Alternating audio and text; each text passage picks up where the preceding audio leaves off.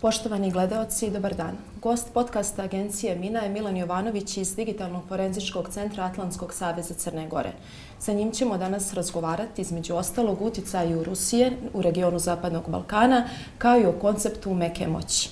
Gospodine Jovanoviću, dobar dan. Hvala što ste izdvojili vrijeme za ovaj razgovor i dobrodošli u agenciju Mina. Hvala vam na pozivu i uvijek je zadovoljstvo biti ovdje. E, počet ćemo od toga koliko se dezinformacije, a tu prvenstveno mislim na namjerno plasirane lažne vijesti, koriste za oblikovanje domaćeg i međunarodnog mišljenja. Evo svjedoci smo toga da se u posljednjih nekoliko godina drastično povećala ta količina dezinformacija. Svjedočili smo također tome da to može da podriva neke demokratske vrijednosti društva na Zapadnom Balkanu. Svakako, ove dezinformacije su posljednjih nekoliko godina na globalnom nivou postale jedan veliki problem, ne samo za javni diskurs, za kreiranje i uplitanje u javno mnjenje, ne samo u domaćoj, već i u stranim državama, već generalno za brojne demokratske procese u najširem smislu te riječi. Pogotovo na društvenim mrežama gdje znamo koliko i kojom brzinom protiču informacije, bile one informacije ili dezinformacije, to nužno donosi brojne polarizacije u okviru društva i negdje vuče sa sobom pad povjerenja u medije, sa jedne strane, ali porast govora mržnje i mizoginog govora u javnom prostoru. To smo opet svjedoci, ne treba ići dalje od Crne Gore. E sad, kad govorimo konkretno o dezinformacijama koje utiču na kreiranje javnog mnjenja, treba napraviti, da kažem, ne samo otklon, ali fokus staviti sa medijuma, bilo on društvena mreža, tradicionalni mediji, na način na koji konzumenti usvajaju, primaju i na kraju rezonuju samu informaciju. Postoji nešto što se zove sklonost potvrdi, odnosno confirmation bias. I to utiče na naš proces, kognitivni proces i rasuđivanje donošenja odluka. Šta to znači za, u, iz ugla dezinformacije? S jedne strane imamo situaciju da građani usvajaju informacije, one koje su njima bliske. Da li politički, da li ekonomski, da li na nekom drugom, ne, ovo potpuno je svejedno. I sami tim gubi se smisao i gubi se negdje potreba za provjerom odakle dolazi dezinformacija, ko je njen autor, putem kojih kanala smo je primjeli i više se fokus stavlja na to da li se ona slaže sa nama ili se ne slaže. Do čega to dovodi i zašto je to, zašto je to jako bitno? Zato što su kampanje dezinformacije, odnosno dezinformativne kampanje koje imaju cilj uticana na javno mnjenje, prije svega okrenute potrebama, predrasudama ciljane publike. I na taj način, ako im se plasira ono što oni žele da čuju, jako je lako kreirati to javno mnjenje i usmjeriti ga na određeno djelovanje, i na kraju krajeva usmjeriti ga put na izbore, odnosno za okruživanjem poželjnog kandidata ili poželjne opcije. I došli smo u situaciju, da završim samo ovaj uvod, došli smo u situaciju da se javno mnjenje koristi kao oruđe napada jedne države na drugu državu. Posredstvom medijuma, da li je to društvena mreža, najčešće društvena mreža ili tradicionalni, tradicionalni mediji. Objasnili ste kako se, upravo ste objasnili kako se sprovode te dezinformacijone kampanje koje su ciljne grupe. Koliko je Zapadni Balkan kao region za koga se nažalost najčešće vezuju podjela izražena društvena polarizacija, slabo ili nedovoljno izgrađene institucije, koliko je takav prostor pogodan za širenje dezinformacija? Pa čini mi se da upravo sve to što ste rekli ne samo da predstavlja preduslov za širenje dezinformacija bilo koje strane iz bilo kojeg ugla, već predstavlja nužan uslov da one budu uspješne.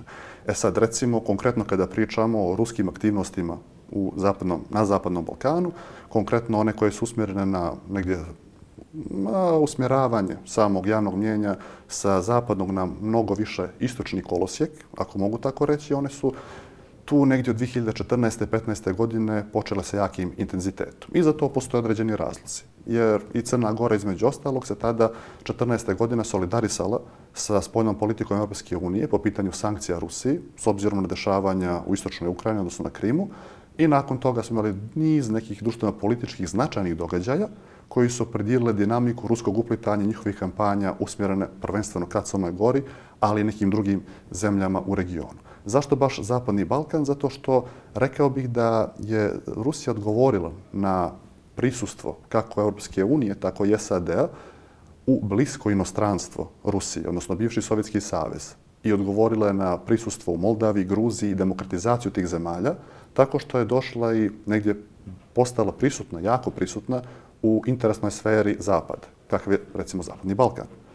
I to je svojevrstan odgovor E, naporima EU i SAD da budu onako više prisutni, više prisutni u ruskom bliskom inostranstvu. Kao što ste rekli u samom uvodu, dakle, Zapadni Balkan karakterišu brojne podjele, nerazjašnjene, da kažem, pitanje iz prošlosti koji dan danas opterećuju društvo, opterećuju mlade generacije, podjele po pitanju etničkih podjela, vjerskih podjela koji igraju značajnu ulogu u svakodnevnom životu. Ono što čega se i dan danas mi ne možemo odbraniti, ne možemo osloboditi, a predstavljaju nužan, odnosno jako dobar teren i podnotlo za širanje dezinformacija, odnosno ostvarivanje geopolitičkih interesa raznih aktera koji su prisutni na Zapadnom Balkanu. Ne mislim nužno samo na Rusiju, postoji tu niz drugih aktera, ali prvenstveno, prvenstveno na njih. Kako vidite pristup Evropske unije i Sjedinjenih američkih država regionu Zapadnog Balkana? Da li je taj njihov pristup direktno povezan sa otvaranjem ili neotvaranjem prostora za ruski uticaj u ovom regionu? I da li, na primjer, prostor tom ruskom uticaju daje nezadovoljstvo regiona zbog neizvjesnosti procesa evropskih integracija? To ste, to ste odlično primijetili. A, jer meni se negdje iz moje neke vizure i gledanja i iskustva koje da sada imam, čini mi se da je alienacija, odnosno odvajanje nekako i odsustvo i Europske unije, naših partnera Europske unije i SAD-a iz regiona posljednjih nekoliko godina, uslovljeno nekim njihovim internim problemima i krizama koje su, koje su bile ovako zastupljene, otvorilo, odnosno trasiralo put trećim stranama, da se jednostavno da dođu u region Zapadnog Balkana i da tu pokuša, pokušaju da ostvare neke svoje geopolitičke interese. A, konkretno kada govorimo o Rusiji, Rusija je nedostatak, kada kažem, koherentne, djelotvorne strategije EU i SAD otvorilo put svakako Rusiji. E sad, ono što negdje Rusija pokušava u svih ovih godina kroz razne kala, kanale svojih djelovanja, ne samo politički, postoji tu niz drugih dakle, kanala i mogućnosti pokušava negdje da ometa i uspori evroatlanske integracije. Njihov stav povodom pitanja NATO proširenja je poprilično jasan. S druge strane, stav po pitanju EU je dosta ambivalentan. Stoga se to ogledaju pitanjima dezinformacije nove teme, gdje smo mi u posljednjih godina često svjedočili NATO dezinformacijama, ali po pitanju EU je onako bilo dosta, dosta slabašno. ono što bih ovdje, što bih ovdje posebno, posebno naglasio je da Rusija želi sebe da pozicionira kao alternativu euroatlantskim integracijama. Eh, alternativu na političkom, bezbjednostnom i ekonomskom planu, što je možda, možda, možda više i sigurno, pretenciozno reći.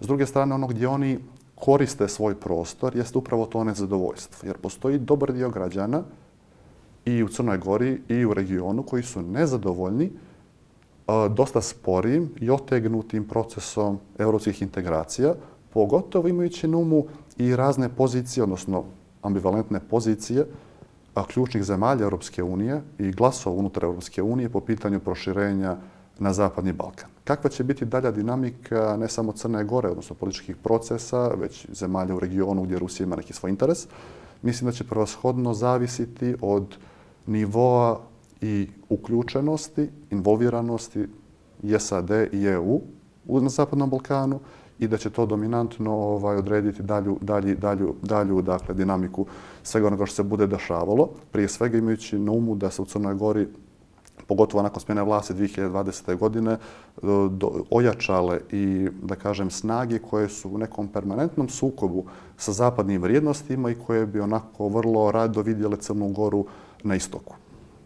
E, Digitalni forenzički centar je prije par mjeseci izradio analizu uloga Rusije na Balkanu, slučaj Crne Gore i javnosti je predstavljen uticaj Kremlja u Crnoj Gori kroz koncept meke moći. O tom konceptu ćemo kasnije, ali za početak, koliki je uopšte uticaj Rusije u Crnoj Gori? Da li tu pričamo o nekom zanemarljivom uticaju ili suprotno tome veoma izraženo? Pa uticaj, uticaj Rusije u Crnoj Gori, ajde krenemo od toga da nije nov i da, iako se aktualizovao posljednjih nekoliko godina, uvijek se treba vratiti na period i tokom istorija, ali recimo period oko nezavisnosti, nešto što nam je onako novija crnogorska istorija, gdje je on bio, gdje Crna Gora i Rusija su njegovali dobre, mogu reći slobodno, bilateralne odnose, koji su se uglavnom ispoljavale kroz segment ekonomije i ekonomske saradnje, manje ili više uspješno. Međutim, ono gdje dolazi do nekih prvih trvenja, i otklona Crne Gore sa toga kursa i posvećivanja euroatlantskim integracijama može se nagovijestiti i može se reći da se dogodilo 2012. godine, kada je Crna Gora, odnosno tadašnje upravo Ministarstvo odbrane, odbilo ruski zahtjev da Luka Bar posluži kao luka koje će Rusija moći da koristi za sidrenje, ali i reparaciju svojih brodova. I tu je već poslata jasna poruka Rusiji da Crna Gora želi da se okrene zapadu.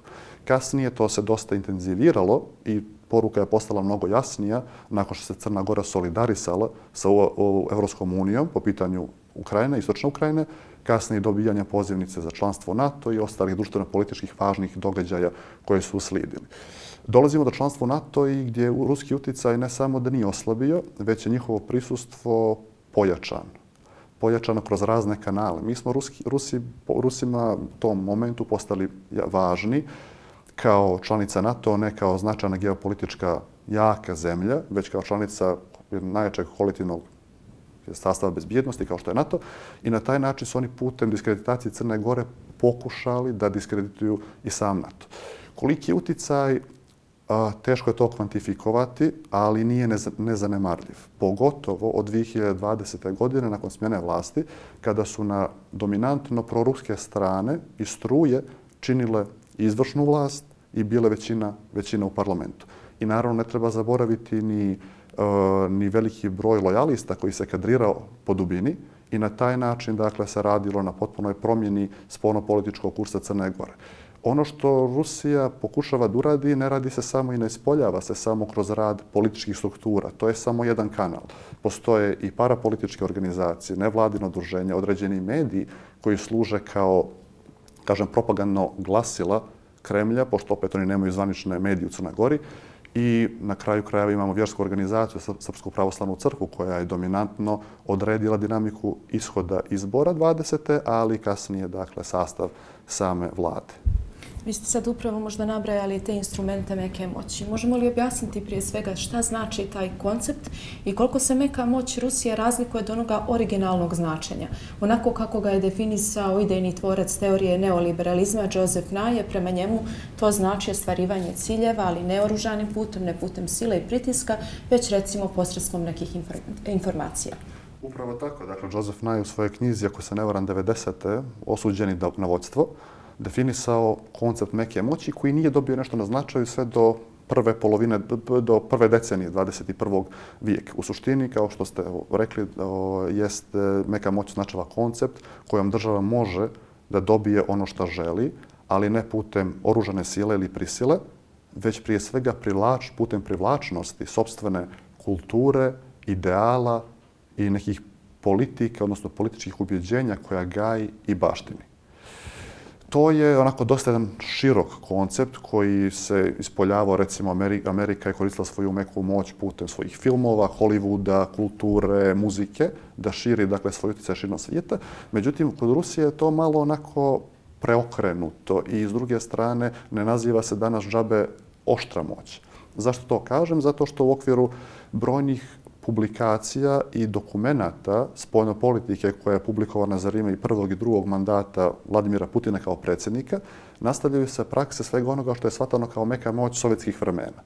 Dakle, od korištenja i špionaže i podmićivanja i potplaćivanja i miješanja unutrašnje stvari susjednih država nenasilnim putem putem finansiranja raznih projekata, navodno kulturnih projekata, projekata zaštite ljudskih prava ili otvaranje medijskih kuća u interesantnim zemljama, odnosno interesantnim regionima.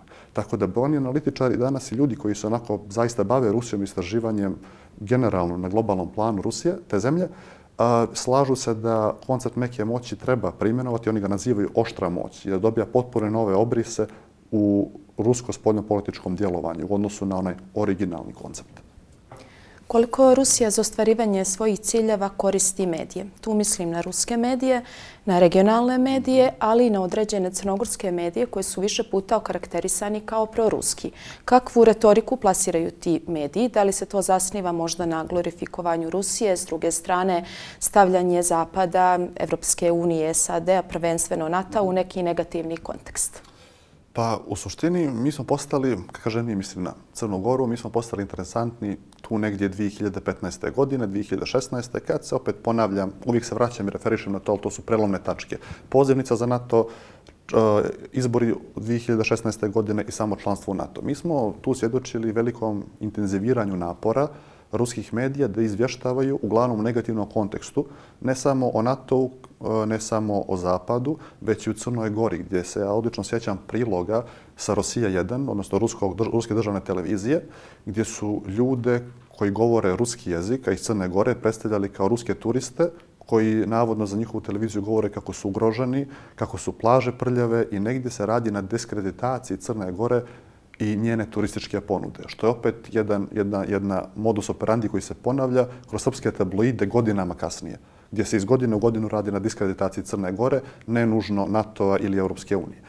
Međutim, ono što smo, što smo vidjeli zapravo kad govorimo o medije, medijima jeste da u Crnoj Gori to što ne postoji zvanični ruski medij registrovan kao što recimo RT ili Sputnik, a, to ne umanjuje značaj i domet i mogućnost i uticaj rusko-medijske propagande, gdje se za izvođenje radova koriste lokalni lokalni proksi, lokalni, dakle, lokalno udruženja, u prvom planu mogu slobodno reći Infores i Portal Borba, koji godinama u kontinuitetu predstavljaju zapravo RT sputnik na domaćem jeziku, kako ga god mi nazivali, crnogorski, srpski i hrvatski. I služe kao produžena ruka njihovog djelovanja. I dometi do koji to ide, mislim da najbolji ne treba ići mnogo dalje nego u aktualnoj situaciji i rata u Ukrajini, gdje su bukvalno imali, imate sinhronizovane informacije kroz domaće portale s onim što je zvanični stav Moskve, da se rat ne naziva ratom ili invazijom, već specijalnom vojnom operacijom, gdje da čak nekad i tvrdilo da Rusija pomaže Ukrajini, da se slobodi nacizma. Dakle, svi oni narativi koji su gurani iz propagandističkih krugova Kremlja su nailazili na, našli zapravo svoj put u Crnoj Gori kroz domaće, domaće medije, ali i medije iz regiona, tabloide, koji su i tekako čitani među određenom ciljnom grupom u Crnoj Gori.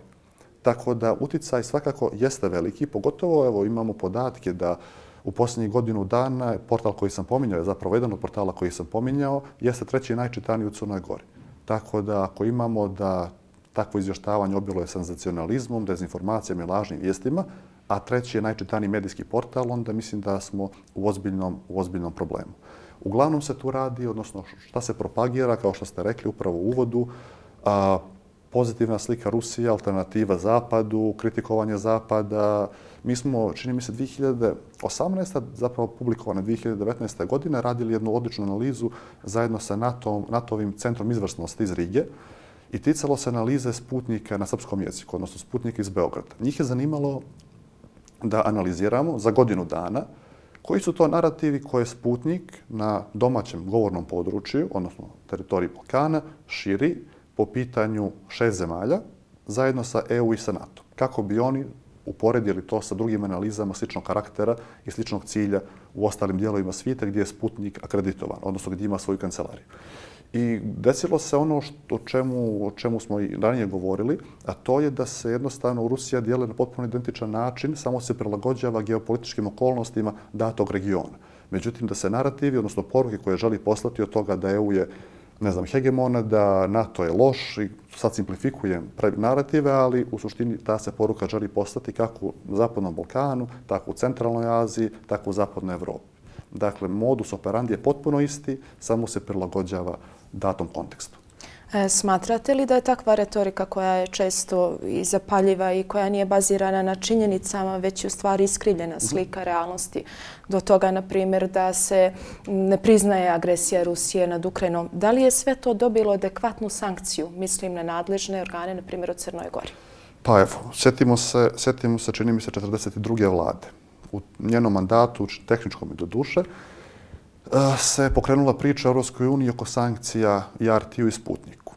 I nama je trebalo u tom momentu tri ili četiri sjednice vlade da bi se jedna protokolarna odluka i solidarisanje sa EU usvojila. Zašto kažem protokolarna bez ikakvog faktičkog značaja? Jer u Crnoj Gori niko ne čita RT niti Sputnik, već uglavnom njihova glasila medije koje sam ranije, ranije nabrajao. Tako da njihovo uklanjanje iz mogućnost pristupa iz, iz Crne Gore je čisto to faktička protokolarna, protokolarna potez koji je opet nailazio na 3-4 ovaj, sjednice vlade prije nego što se finalizovao, odnosno prije nego što smo dobili željeni epilog. Ono što negdje je stav i moje mišljenje jeste da s putem sankcija, mislim, naš trenutni zakon o medijima ne prepoznaje dezinformacije. I samim tim nismo u mogućnosti ni da se sankcioniše na taj način. Međutim, opet sankcije pitanje koliko bi bile i učinkovite. I čini mi se da bi sankcije samo dovele do nekih novih reakcija, novih problema. Ono, mislim, postoje možda i dobar rešenje, naravno da postoje, recimo, u Njemačkoj, njih, njihov zakon tretira pitanje dezinformacije, ali povezuje ga sa društvenim mrežama u zemljama Baltika također. Međutim, ono što smatram da, da je dobar i proaktivni pristup, nije nikakav zakon koji će sankcionisati i kažnjavati medije, niti oni koji šire dezinformacije, to je borba sa vjetrenjačama gdje će uvijek neko naći neku rupu u zakonu i pozivati se na nju. S druge strane, mislim da je potrebno raditi na jednom proaktivnom pristupu obrazovanja i podizanja svisti ovim problemima, gdje ćemo mi kroz školski obrazovni, formalno obrazovanje i školski sistem moći da razgovaramo sa djecom od najraznijeg uzrasta, pa sve do nekih starih dana na fakultetu o tome zašto je opasna dezinformacija, zašto nam je bitno da ne govorimo govorom mržnje, da nismo mizogini, da to ne ispoljavamo na društvenim mrežama, jer ovaj, u suprotnom Ukrajina i situacija sa Ukrajinom će samo preliti na neku novu temu i skakat ćemo iz mjesta u mjesto. U analizi koju sam ranije pomenula ste ideju srpskog sveta koja počiva na toj navodnoj ugroženosti Srba na mhm. teritorijama izvan Srbije označili kao glavnu ključnu alatku za ostvarivanje i širenje ruskog uticaja. Na čemu je to bazirano?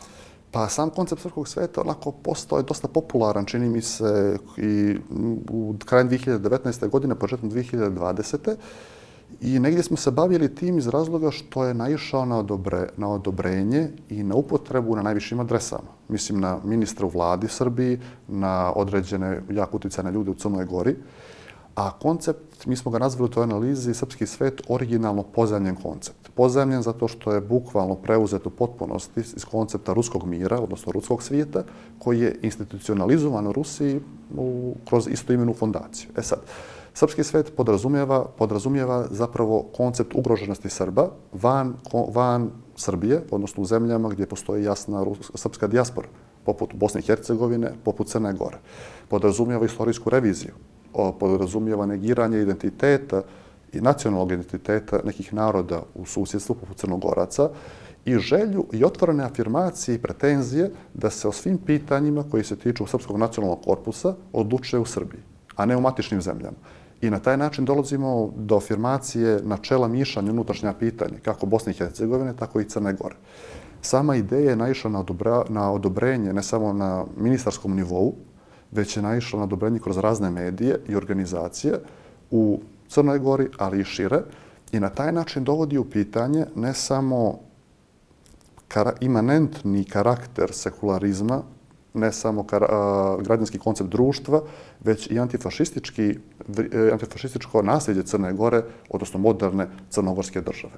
A negdje dobije polet i, da kažem, vjetru u leđa nakon smjene vlasti 2020. godine. I upravo zbog toga, pošto je sveobuhvatan koncept koji negdje dobija svoj, je pisan zapravo iz ruskih učbenika i postoje brojna preklapanja između jedne i druge strane. E, ako imam vremena, naravno, to bih, to bih i istakao. Recimo, s jedne strane, koncept ruskog mira, odnosno ruskog svijeta, negira Ukrajinu kao suverenu državu. Mi slične stvari imamo ovdje. Imate negiranje identiteta, kulture i jezika Ukrajinaca i nazivanje Ukrajinaca malim Rusima. S druge strane, imate negaciju kulture, identiteta, jezika, državnosti Crne Gore i nazivanje Crnogoraca pogrdnim imenima poput Milogoraca ili Đilasovim kopiladima. Tako da je taj način djelovanja potpuno identičan, samo je prilagođen jednom Ukrajini, s druge strane ovaj drugi Crnoj Gori. U rezoluciji Evropskog parlamenta od eh, 9. marta o stranom uplitanju demokratske procese govorilo se o ulozi Srpske pravoslavne crkve i promovisanju tog ruskog uticaja. E, mnogi su ocjenjivali da je veoma izražen uticaj Srpske pravoslavne crkve bio tokom formiranja one 42. vlade nakon parlamentarnih izbora 2020. godine i ti ljudi koji tako su ocjenjivali smatruju da je dovoljno to što je jedan od sastanaka za formiranje te vlade održan u manastiru Ostrog. Ima li povezanost između djelovanja Srpske pravoslavne crkve u Crnoj Gori i širenje ruskog uticaja u ovoj državi? Ovako. E, u svim tim kanalima koje sam pominjao na početku, koje se tiču, koji su kanali širenja ruskog uticaja, mislim da ne postoji jasni i očigledni od e, religijske komponente Srpske pravoslavne crkve. E, Ruska pravoslavna crkva, ajde počnemo od toga, njeguje jako dobri forsira, jako dobre odnose sa SPC. Po, konkretno po pitanju Ukrajine, SPC se solidarisala sa Moskvom i njihovom zvaničnom politikom po pitanju Ukrajine, dok recimo Ruska pravoslavna crkva Moskovske patrijaršije u Ukrajini je izrazila negodovanje. Tako da o tom nivou podređenosti dovoljno, dovoljno govori i ovaj, i ovaj podatak. Taj politički inženjering Srpske pravoslavne crkve u Crnoj Gori koji nije samo rezultirao smjenom vlasti, već je rezultirao i formiranju nove vlasti, 42. vlade koja je kritikovana zbog mnogo stvari, mnogo štošta, ali možda najveća kritika je bila to što su dozvolili da crkva djeluje u političkom životu i da i nakon formiranja kabineta učestvuje, što je praksa koja se nije, nije mnogo promijenila u odnosu na 43. vladu koja je sada u tehničkom, u tehničkom mandatu. Pored onih preklapanja, u konceptima srpskog i ruskog svijeta koje njeguju i ruska i srpska pravoslavna crkva, postoji još jedan moment koji je bitno naglasiti.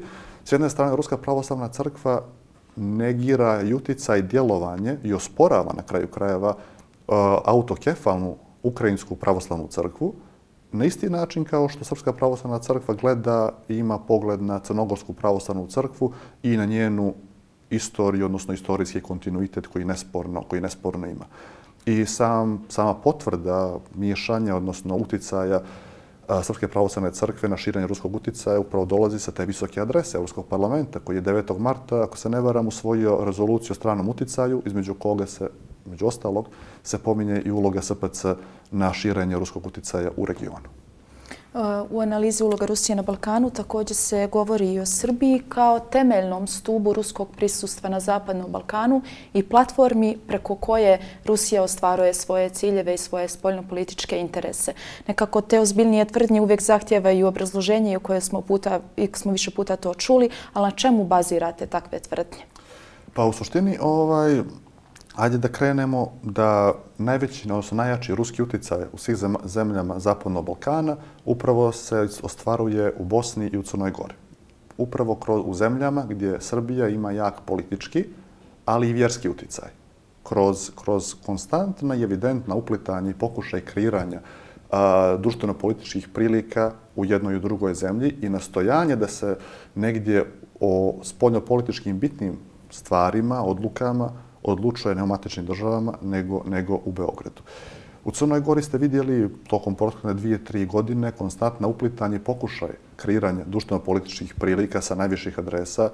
Imali smo, evo, recimo za vrijeme izbora 21. Uh, eh, u vrijeme Nikšićih izbora u martu 2021. godine kontinuitet medijskih izvještavanja, medijskih kampanja koje nisu ni ma, bile ni malo dobronamjerne. Sjećamo se svi bitke za Nikšić i čitavog tog propagandnog programa.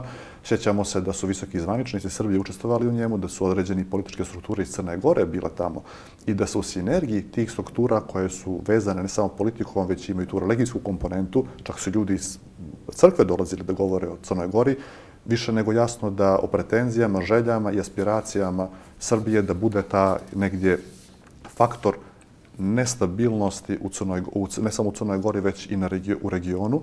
A jasno je da, mislim, da li treba veći dokaz koliko je blisko to i prijateljstvo između jedne i druge države, kada je Srbija jedina zemlja u Europskoj uniji, odnosno u zemlji Evropi koja nije usvojila sankcije ovaj, po pitanju Ukrajine u odnosu, na, u odnosu na Rusiju i da otvoreno odbija to da uradi.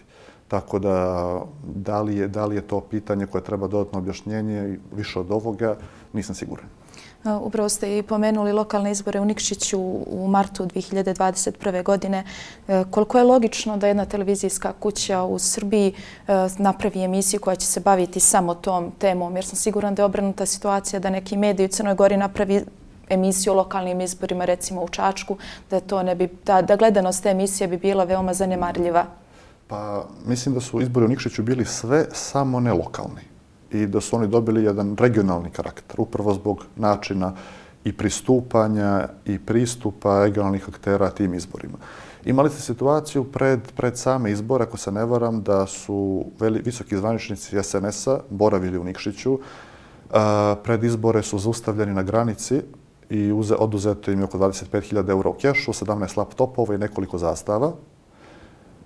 Dalje smo imali medijsku kampanju koja nije ni malo, neću reći, logična, zato što jeste logična, zato što ako ima, to su bili prvi izbori, veliki izbori, nakon parlamentarnih, gdje su, kažem, stranke prosapske afilijacije ostvojile većinu i trebalo je potvrditi to na unikšićkim lokalnim izborima. Upravo zbog toga je bilo važno pružiti svu logističku pa i medijsku podršku i Srbije i potpuno se slažem da su neki izbori ovaj, bili u Srbiji lokalni, da mi pratimo to, bilo bi potpuno suludo ali to samo govori o afilijacijama i ciljevima jedne i druge države, odnosno naših spolnih politika Crne Gore i i Srbije. Tako da ti izbori u Nikšiću su bili više nego, više nego lokalni. Imali smo situaciju, mi smo, ne znam, često izvještavali, mislim, dane, dan pred izbore, ime dan izbora, izvještavali o svemu onome što se dešava ne samo u medijima, nego na društvenim mrežama.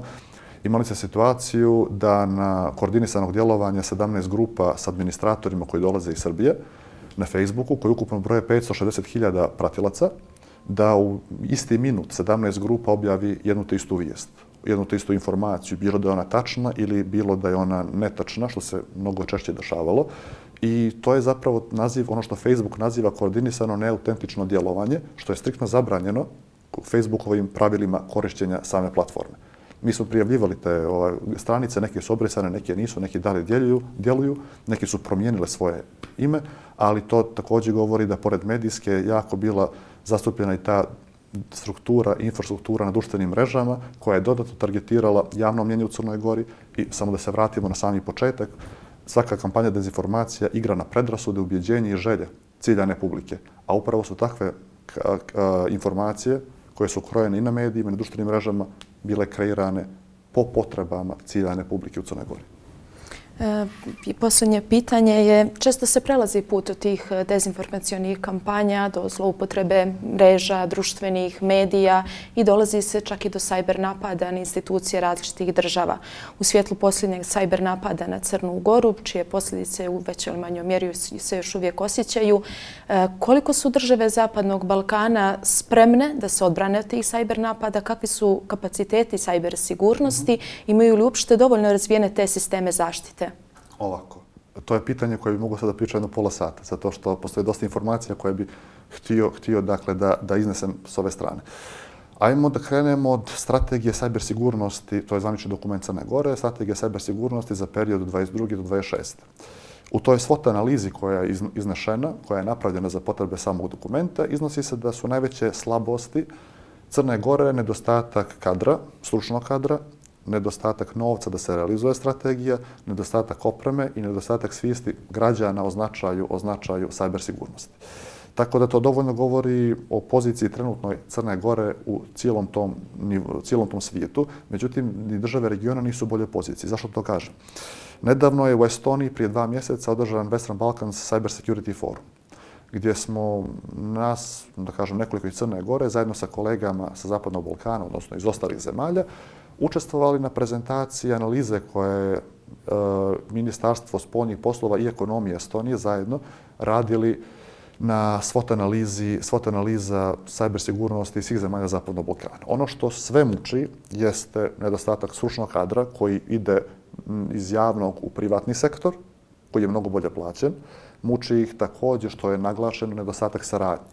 I sami predstavnici zemalja su govorili da mi sarađujemo malo bolje ili na nekom lošijem nivou po pitanju nekih određenih drugih tema i oblasti, ali da na nivou sajber sigurnosti i saradnje nikakve, nikakve dakle, dodirnih tačaka naše zemlje nemaju.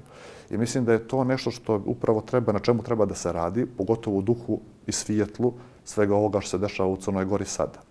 Vratio bih se, vratio bih se na 2016. i 2017. godinu.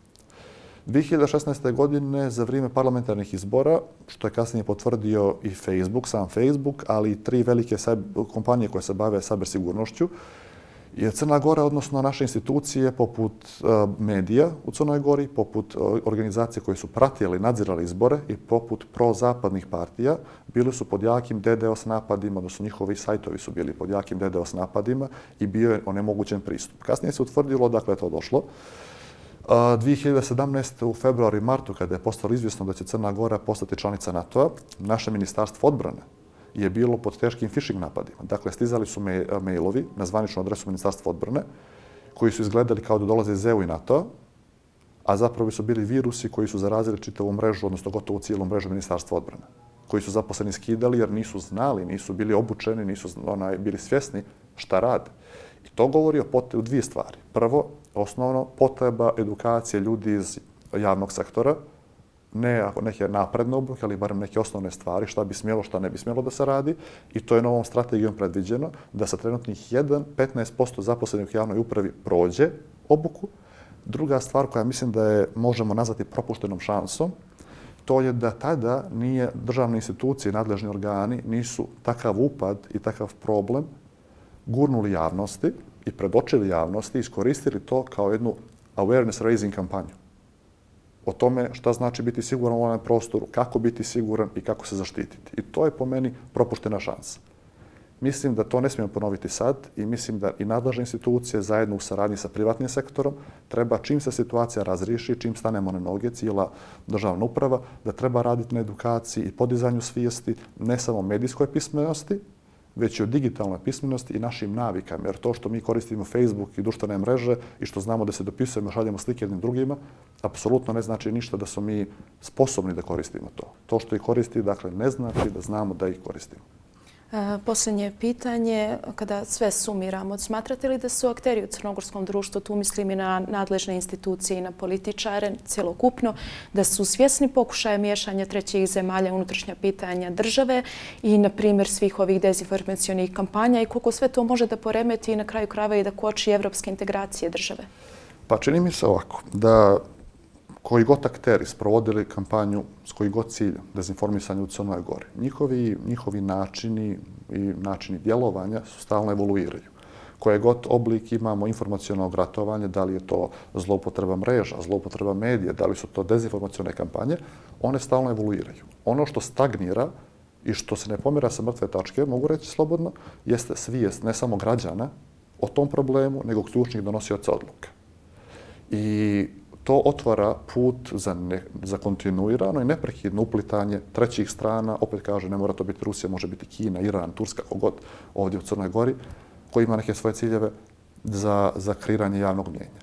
Ono što mi se čini da se dešava jeste da se mi bavimo previše, mislim, donosioci odluka, se bave previše pitanjima od sekundarnog značaja. Pitanjima koji polarizuju društvo, a ne stvarima poput ovih kojima mi govorimo iz razloga što ne samo da može da uspori evroatlanske integracije, odnosno sad evropske integracije Crne Gore, može potpuno da preokrene javno mnjenje na suprotnu stranu. I da prebacimo, ne prebacimo, ali preorijentišemo Crnu Goru, odnosno dominantno javno mnjenje sa zapada na istok. I tada možemo doći u problem kao NATO, kao NATO članica. Tako da sigurno postoji prostor kako za građane, tako i za donosioce odluka da se informišu i da steknu malo bolju sliku o onome što se zapravo dešava. Gospodine Ivanoviću, hvala mnogo na razgovoru. Hvala vam.